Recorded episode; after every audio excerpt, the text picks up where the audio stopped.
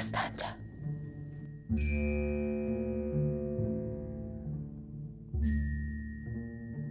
Rus konsulunun ziyafətində İllərdən bəri Nina ilə tanış olduğum konsula və onun ailəsinə gizlin deyildi. Onlar dəfələrlə Ninaya müraciətlə "Əbülhəsən bəylə tanış olmaq lazımdır" demişdilər. Buna baxmayaraq mən Ninadan Rus konsulxanasına getməməyi və o cəmiyyətin sırasında bulunmamağı rica etmişdim. Bu gün konsulun faytonu gələcək və bizi ziyafətə aparacaqdı. Bəhanə və üzr gətirmək mümkün değildi. Konsulun şübhəsini qazandırmamaq üçün getməkdən başqa çarəmiz yox idi. Axşam saat 9-da fayton gəldi və bizi apardı. Konsul özü, arvadı, böyük qızı, Sərdar Rəşid, onun arvadı İrayda, Abşeron alayının fərmandehi Smirnov, onun arvadı Mahru xanım salonun qapısında durub bizi gözləyirdi. Biz içəri girərkən konsulun xüsusi orkestrini idarə edən dirijorun əlindəki nazik ağac hərəkətə gəldi. Bizi musiqi tərənnümləri ilə qəbul etdilər. Sanki Ninanın haqqımdakı təriflərini yoxlamağa çalışırdılar. Konsulun qızı və arvadı məndən göz çəkmirdi. Ziyafətdə yüksək rütbəli çar zabitlərindən də bir neçəsi var idi. Sərdar Rəşid olduqca məhzun idi. Bütün hərəkətləri adi və saxta görünürdü. Konsulun özünün də Sərdar Rəşid ilə sıxı əlaqədə olmadığı bəlli olurdu. İraydanın qaşqabağı öz yerində değildi. Şübhəsizdir ki, bu da Sərdar Rəşidin məhzunluğu ilə əlaqədardı. Simirnov Mahronun qoluna girib böyük salonu gəzməyə dəvət edirdi. Lakin Mahru onunla getmədi. Ninanın və İraydanın yanına gəldi.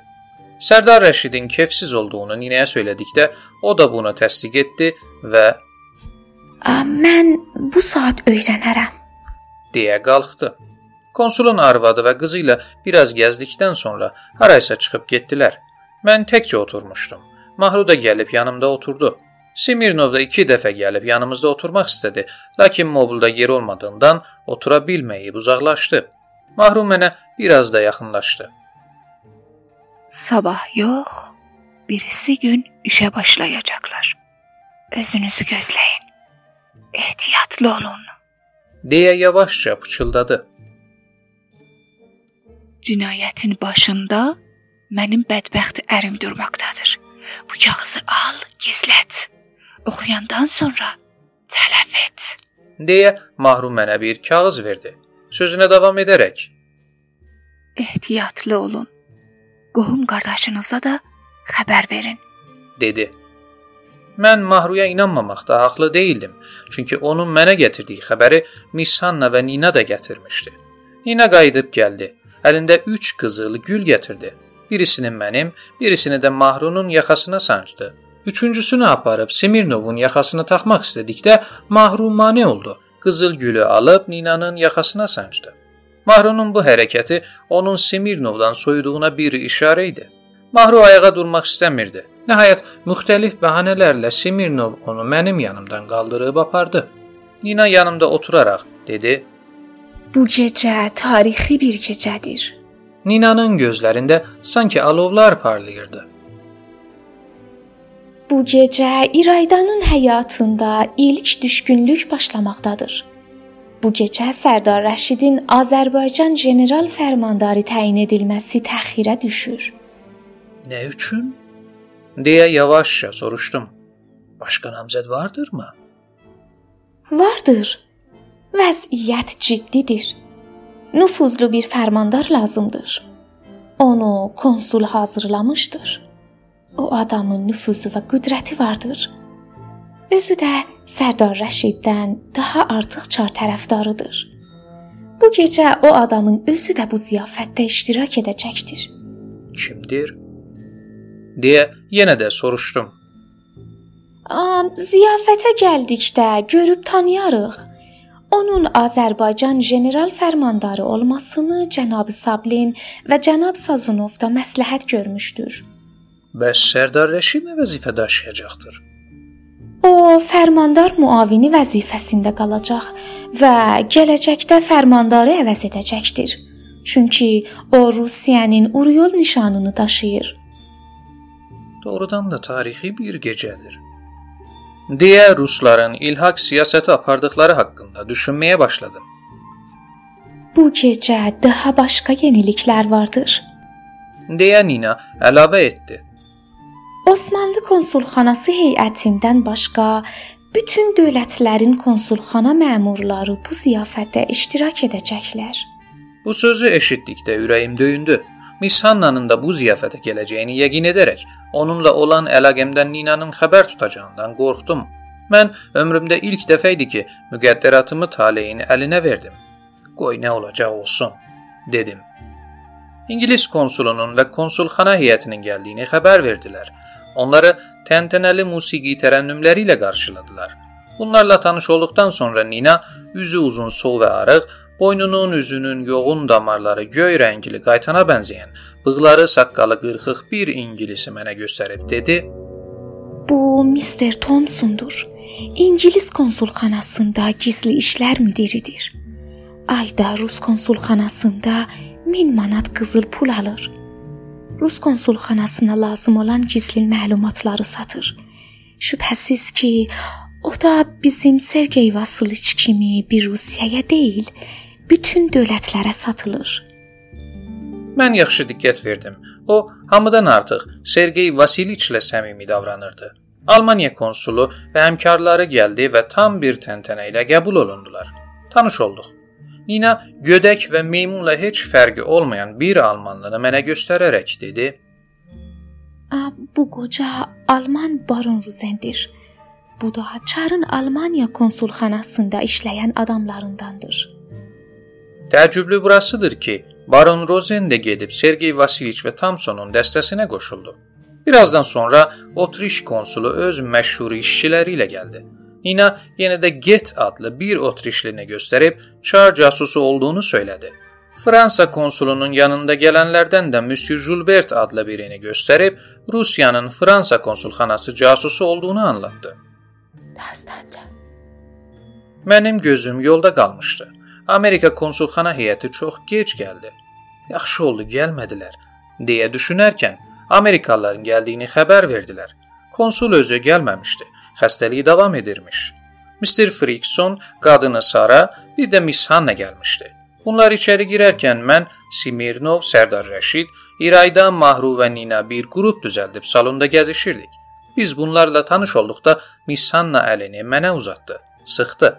Əlimi qeyri-adi bir surətdə sıxdığını ancaq mən özüm hiss etdim. Hanna mənimlə tanış olduğunu heç kəsə bildirmədən bir yabancı kimi davranırdı.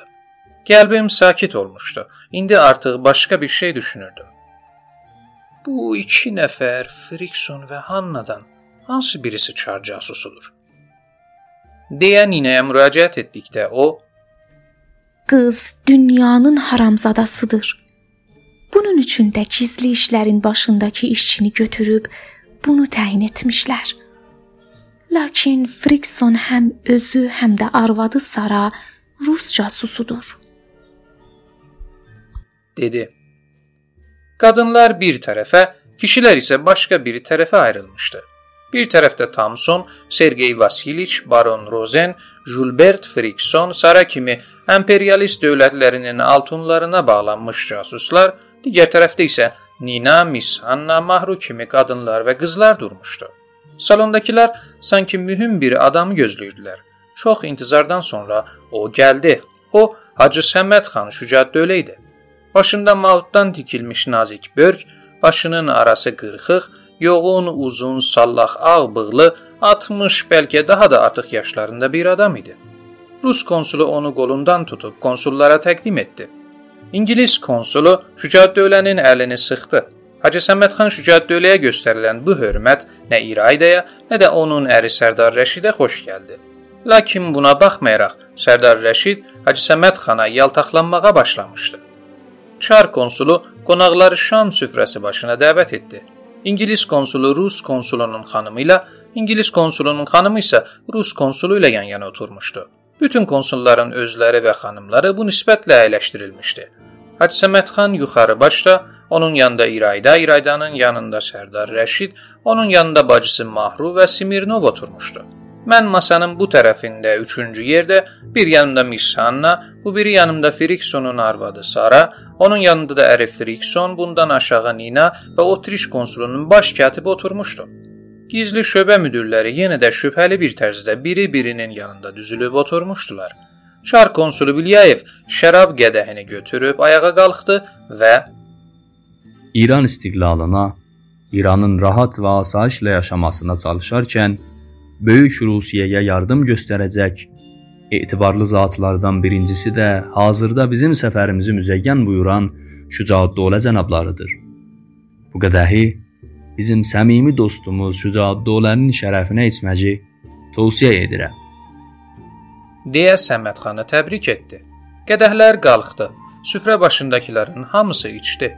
Səmədxanın dosta veriləcək cavabını tərcümə edən olmadığından konsul mənə müraciətlə Hikmətli cənabın buyurduqlarını lütfən ruscaya tərcümə edin. dedi. Mən tərcümə etdim. Mən şəxsən mənafe müştərək olan Rusiya və İranın dostanə yaşaması uğrunda çalışanların ən birincisiyəm. Bu dostluğu pozacaq hadisələr baş vermiş və dostluğun davamı yolunda əngəl törədən əclafları olmuşsa da, mən onlarla daim mübarizə aparmışam. Əlahəzrət Çarın himayəsini İran üzərində möhkəm etmək üçün 7-ci illərdən bəri çalışmışam. Zənnimcə yenə də mübarizə üçün qüvvətim vardır. Yenə də o dostluğun möhkəm olması uğrunda fədakarlıq göstərəcəyəm. Mənim şərəfimə içən cənabların, xüsusən süfrə başında oturan xanımların hamısına təşəkkür edirəm. Tərcümədən konsul çox razı qaldı. Deyəsən, İngilis konsulu Səmədxanın nitqindən o qədər də razı değildi. Çünki o İngilis haqqında heç bir söz söyləməmişdi. Konsul ikinci piyaləsini doldurub süfrədə oturanlardan icazə istədi. Burada iki xanım oturmuşdur. Onlardan birisi bizim səmimi dostumuz Sərdar Rəşidin xanımı İrayda, digəri isə cənab Miralay Aleksandr Səmirnovun xanımı Mahru xanımdır. Bu iki xanımın vasitəsilə Şərqə Avropa mədəniyyəti girməcə başlamışdır. Bundan əlavə, bu iki qadının izdivacı Peterburq ilə Təbriz arasında qırılmaz və sarsılmaz bir dostluq rabitəsi yaratmışdır. Mən bu qədəhi İrayda və Mahru xanımların özlərinin və ərlərinin şərəfinə qaldırmağı təklif edirəm. dedi. Dastanca. Yenə də qədəhlər qaldırıldı. İçdilər. Sərdar Rəşid də sözü alaraq Hacı Səməd xan kimi yaltaqlıq etdi. Smirnovda danışıb şərqi təriflədi. Çar konsulu piyaləsini qaldırıb yerli tacirlərdən Əbülhəsən bəyin şərəfinə içməliyəm dedi. Şərəfimə içdikdən sonra cavab vermək növbəsi mənim idi. Mən icazə versəydiniz bir neçə kəlmə danışmaq istərdim, dedim. Konsulun icazəsindən sonra tamamilə Təbriz tacir dilində danışmağa başlayaraq Cənabların adsız sansız bir tacirin sağlığına qədəh qaldırması və doğrudan da Əlahəzrət Rusiya imperatorunun İranda təqib etdiyi dostluq siyasətinin canlı bir nümunəsidir, dedim. Bu sözlərimi təqib edərək Hacı Şücaəddövlə Səmədxan "Bərəkallah oğlum" dedi və gözlərini mənim ağzıma dikdi. Mən yenə də sözümə davam edərək dedim: Bizim sərkarımız başımızın sahibi olan Həzrət Əşrəf Hacı Şücaəddövlə cənablarının fərmayışına əlavə olaraq Həzrət Əşrəfin öz icazəsi ilə söyləyə bilərəm ki, birinci növbədə bizə lazım olan bir məsələ varsa, o da İranda sülh və səlaməti, əmin-amanlığı bərpa etməkdən ibarətdir. Buna görə də istər Əla Həzrət İmperatorun konsulxanası, istərsə imperator konsulxanasına öz yardım əlini uzadan Şücaəddövlə həzrətlərini təbrik etməmək qabil deyildir. Ancaq cənubda Əla Həzrət İngilis kralı, şimalda isə Əla Həzrət Rusiya imperatorunun himayəsi altında olaraq biz tacirlər öz ticarətimizi inkişaf etdirə biləcək və İranlılar da bu sayədə öz istiqlalını qura biləcəkdir. Buna görə də qarşımda əyləşən böyük dövlətlərin nümayəndələrinə, xüsusən də Həzrət Əşrəf Hacı Şücaəddövlə cənablarına, eləcə də Həzrət Əşrəfin müqəddəs əqidəsini daşıyan Sərdar Rəşid cənablarına öz səmimi təşəkkürümü təqdim edirəm. deyə sözümü bitirdim. Nitqim olduqca böyük bir təsir bağışladı. Səmədxan ayağa qalxıb alnımdan öpdü. Mən də onun əlindən öpərək əllərimi döşümə qoymaqla qarşısında durdum. O sabah yanıma təşrif gətirərsiniz, dedi və oturmağıma icazə verdi. Oturdum. Nina mənə baxır, gülümsüyürdü. Miss Hanna isə yavaşcadan Siz bir tacir olmaqdan əvvəl natiqsiniz də. Hər şeyi bacarır, ancaq sevməyi bacarmırsınız. dedi. Miss Hanna çox uzun danışa bilmədi, çünki başqa şərəflərə içilməyə başlanmışdı. Xüsusən İrayda Sərdar Rəşidi təqdir etdiyim üçün nitqimdən çox razı qalmışdı. Miss Hanna vaxtının çoxunu mənimlə söhbətdə keçirirdi. Bu da Ninanın diqqətini cəlb edirdi. Lakin musiqi Miss Hannanın sözlərinin eşidilməsinə imkan vermirdi. Yemək gecə saat 2-də bitdi. Yeməkdən sonra yenə də söhbət davam etdi. Xüsusən Səmədxanla konsulun söhbəti bitmirdi. Saat 3-də qonaqlar getməyə başladı. Amerikalılar hamıdan əvvəl getdi. Biz Səmədxanı orada qoyaraq çıxdıq. Vidalaşdıqda Səmədxan yenə də "Sabah yanıma gələrsiniz" dedi. Rusiya səfərim baş tutmasa, xidmətinizə yetişərəm, dedim.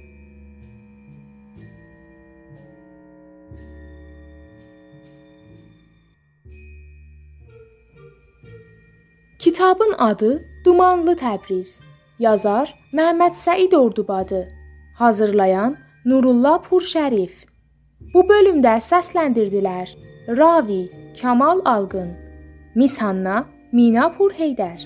Nina Saray Tahiri, Mahru Aysu Zənganlı, Çar konsulu Biliyev Hüseyn Məddahı, yönetmən Saray Tahiri, düzənləyən Səccad Müslimi. Bizim axağa qatılmaqla işimizin ardını tutmaqda bizə dəstək olun. Axağımızın adresi Dastanca.